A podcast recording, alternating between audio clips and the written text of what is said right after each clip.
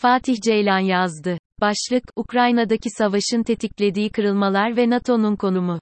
Anlık kareler Rusya'nın Kırım'ı işgal ve ilhak ettiği 2014 Mart'ından 8 yıl sonra 24 Şubat 2022'de Ukrayna'da başlattığı ikinci saldırı dalgası 10. ayını tamamladı. Halen devam eden savaşın son bulacağına dair bir umut henüz ufukta belirmedi. Enerji krizinin de eşlik ettiği çatışma sarmalı, özellikle Avrupa için kış aylarının hayatın birçok alanında zorluklara sahne olacağına ve ilkbaharla birlikte Rusya'nın saldırılarını daha da arttıracağını işaret ediyor. Ukrayna'daki savaşın başlaması ile birlikte harekete geçen refleksler genelde ana odaklandığı için bu ülkede patlak veren büyük kırılmanın altında yatan dinamikler üstünkörü yaklaşımların rehinesi haline gelebiliyor. Geçmiş sürecin temel yönelimleri sümen altına itildiğinde anı tasvir eden, geleceği yakalamakta zorlanan bütüncüllükten yoksun yarım tablolarla yetinmek zorunda kalıyoruz. Geçmişin derin izleri tarihe dönüp baktığımızda Rus devletinin davranış kodlarındaki devamlılığı gözlemek mümkün. Kiev'in beşikliğini yaptığı Rus İmparatorluğu'nun, Çarlık döneminden bu yana diğer birçok imparatorluk gibi, yayılmacı bir siyaset izlediği tarihsel bir olgu. Geniş bir coğrafi kuşakta ikinci. Dünya Savaşı ertesindeki nüfuz bölgelerinde Sovyet Sosyalist Cumhuriyetler Birliği SSCB adı altında Rusya'nın tesis ettiği hakimiyet de belleklerdeki yerini koruyor. Birçok milleti ve etnik grubu bir araya getiren SSCB döneminde bağımsızlıkları için 1956'da ayaklanan Macar halkına karşı Sovyet birliklerinin sergilediği şiddet tarih sayfalarında yerini almış bulunuyor. Benzer bir davranış örgüsünün 1968'de o zamanki adıyla Çekoslovakya'da sergilendiği de tarihsel bir olgu olarak kayıtlara girmiş durumda. Soğuk Savaş'ın bitmesinin, dolayısıyla iki kutuplu cepheleşmenin son bulmasının hemen ertesinde Karabağ'la ilgili ihtilaf karşısında Rusya'nın Ermenistan'ı kollayan tutumu dolayısıyla Azerbaycan halkının gösterdiği direnç üzerine Sovyet birliklerinin 19 ila 20 Ocak 1990'da Bakü'ye girmesi ve şiddet uygulamasının Azerbaycan tarihinde Kara Ocak olarak adlandırıldığını anımsamak gerekiyor. Bakü'de gerçekleştirilen kanlı müdahalenin üzerinden çok kısa bir süre sonra Rusya'nın benzer bir davranışı bu kere Litvanya'da sergilediği görülüyor.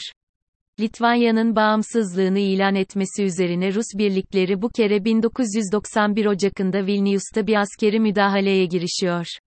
Can kayıpları ile sonuçlanan olaylara sahne olan bu askeri operasyon Litvanya tarihinde kanlı pazar olarak yerini alıyor. Tarihin akışı içinde tanık olunan olaylar hem SSCB döneminde hem SSCB'nin dağılması sürecinde Rusya'nın 35 yıllık bir sürede diğer ülke halklarına karşı dört kez askeri müdahale yaptığı gerçeğini ortadan kaldırmıyor.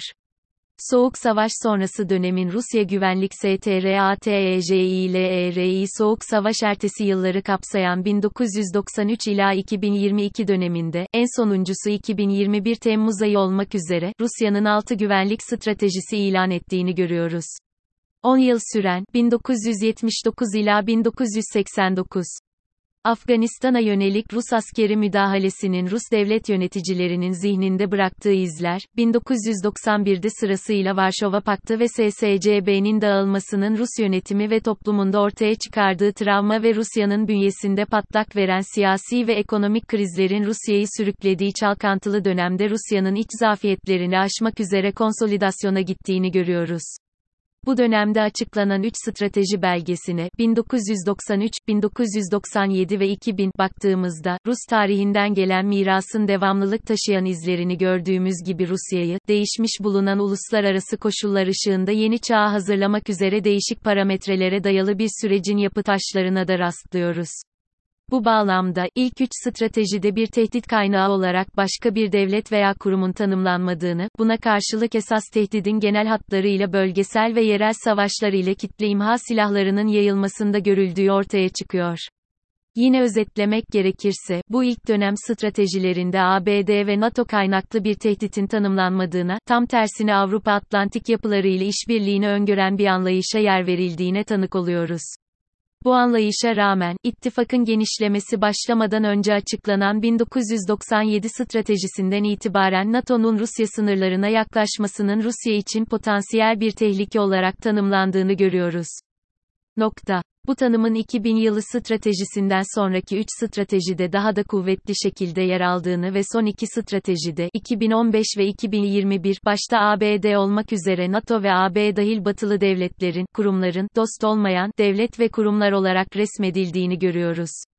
Buna paralel şekilde Batı'nın Rus devletini ve toplumunu tahrip ettiği tezinin artan ölçüde stratejilerde boy gösterdiğini saptayabiliyoruz. 1990'lı yıllarda Rusya'nın konumunu belirlemede Avrupa Atlantik ekseninin olabildiğince öncelenmesine karşılık 2000 yılında Putin'in iş başına gelmesiyle Rus devlet aklının temel mihverinin Avrupa-Asya, Avrasya kuşağına kaydığını izleyebiliyoruz. Rus güvenlik STRATEJISİNİN Ukrayna'da sahaya yansıması son 10 yıla baktığımızda ilginç olan nokta ise, Rusya'nın Batı ile olan ilişkilerindeki derin güven bunalımından hareketle Avrupa-Asya eksenini önceleyecek bir yola girdiği dönemde ABD'nin de Obama yönetiminde ilan ettiği Asya yönelimi, Pivot to Asia politikasını hayata geçirmesi olgusudur. Farklı sahiplerle de olsa Avrupa Atlantik dünyasından uzaklaşan Rusya ile rotayı Pasifik'e çeviren ABD'nin uzak doğudaki garip buluşmaları kayda değerdir. Bu çerçevede Rusya, Çin'le olan stratejik ilişkilerini geliştirmeye koyulmuş, ABD ise özellikle Trump döneminden başlamak üzere Asya Pasifik'te Çin'in yükselen gücünü dengeleme ve çevrelemeye yönelmiştir. Dolayısıyla, ortaya bu üç aktör arasında stratejik rekabetin oluşmasını körükleyen, kusursuz bir fırtına, meydana gelmiştir batıdaki sınırlarını güvende görmeyen, bu coğrafi alandan kendisine yönelik tehdidin arttığını değerlendiren Rusya, 2008 Rusya-Gürcistan Savaşı'ndan başlamak üzere, 2009, 2015 ve 2021'de dünya kamuoylarına ilan ettiği stratejilerini Batı ve Güney kuşaklarında, diğer bir anlatımla, yakın çevresinde, sahada uygulamaya koymuştur. 2022 Şubat'ında Ukrayna'yı, Nazilerden arındırmak ve Nazilerin yönetimindeki Ukrayna Silahlı Kuvvetlerini tasfiye etmek üzere başlattığı özel askeri operasyonun temel gerekçeleri elbette söylem düzeyinde ortaya konan görüntüdeki hedeflerdir. Ana hedef, Belaruslaştırılmış, kısacası, ehlileştirilmiş bir Ukrayna'ya vücut vermek suretiyle Batı'ya karşı kendini korumak üzere mini bir Sovyetler Birliği tesis etmektir. Bu hedefini, 2014 sonrası hemen her yıl giderek daha fazla boyutlanan küresel kırılmalar ortamında gerçekleştirme girişiminden başarılı sonuç alabileceği varsayımına dayanarak hayata geçirmiştir. İşgal ve savaşa dayalı bu proje esasen ters tepmiştir. Ukrayna, işgal karşısında umulmadık bir direniş göstermiş, egemenliğini, bağımsızlığını ve toprak bütünlüğünü korumak üzere tüm Ukrayna toplumunu seferber edebilmiştir. Ukrayna'nın ortaya koyduğu dirençte elbette Batı'nın sağladığı mali ve askeri desteğin payı vardır. Bu desteğin süreceğini, dolayısıyla savaşın uzayacağını beklemek gerçekçi olur. Rusya, sergilediği saldırgan tutumla hedeflediğinin aksine Ukrayna'yı ilelebet kaybetmekle kalmamış, NATO'nun Finlandiya üzerinden 1300 kilometrelik bir sınırla Rusya'ya yaslanacak olmasını da engelleyememiştir. Dolayısıyla, Ukrayna üzerinden olmasa da Finlandiya üzerinden sınırlarında görmeyi hiç arzu etmediği NATO YLA yüz yüze gelmek zorunda kalmıştır. Ukrayna'da bugün olanlar kimi çevrelerin iddia ettiğinin aksine bir vekalet savaşı değildir.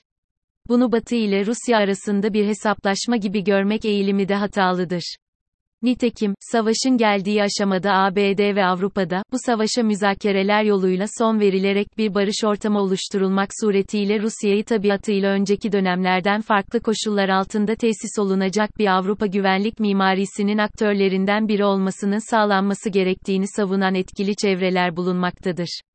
NATO'da çalan CANLAR 2021 Ağustos'unda NATO kuvvetlerinin Afganistan'dan büyük bir fiyaskoyla çekilmelerinin, bunun hemen ertesinde Biden yönetiminin, Asya-Pasifik bölgesini önceleyen Trump döneminin mirasından sapmadan bu bölgede Çin'e odak alan bir yaklaşım ortaya koymasının transatlantik çerçevede meydana getirdiği bir dizi çatlağı da gözeten Rusya, 2021 sonbaharından itibaren Ukrayna'ya karşı tutumunu sertleştirmiş ve krizin tırmanmasına neden olan bir yol izlemiştir. Nihayetinde, o dönemde açık kaynaklarda yayımlanan istihbarat raporlarını doğrulayacak yönde 2022 Şubat'ında, 2014'ten sonra Ukrayna'yı ikinci kez işgal etmeye başlamıştır. Nokta. Halen süren ve birçok sivil can ve mal kaybıyla devam eden savaş, özellikle Avrupa'da ve mevcut stratejik rekabet dolayısıyla küresel ölçekte geniş çaplı bir teyakkuza vesile olmuştur. Ortaya çıkan görüntüler, ikinci. Dünya Savaşı'nın acısını yaşamış Avrupa yönetimleri ve toplumları nezdinde eski travmaların hayat bulmasını tetiklemiştir. Çatışma ikliminden elbette NATO da payını ve dersini almıştır. 2022 NATO Madrid Liderler Zirvesi'nde ilan olunan stratejik konsept, SKON, çıkarılmasına halen devam olunan derslerin somut bir ürünü olarak kabul edilmelidir. SKON'a Rusya bağlamında yansıyan anlayış, küresel çapta stratejik rekabet olgusunu da gözeterek, Rusya'nın NATO için, doğrudan ve önemli, bir tehdit olarak tanımlanmasıyla tezahür etmiştir. Önümüzdeki 10 yıl boyunca NATO'nun çalışma ve faaliyetlerini esas oluşturmak üzere hazırlanan SKON'ın sahada nasıl uygulanacağını izlemek önemlidir. Burada vurgulanması gerekli husus, ittifakın Ukrayna'da Rusya ile bir fiil karşı karşıya gelip savaşmayacağı gerçekliğinin kabul görmüş olmasıdır. Bu tespit, NATO üyesi ülkelerin Ukrayna'ya sağlaya geldikleri desteğe son verecekleri anlamına elbette gelmemektedir.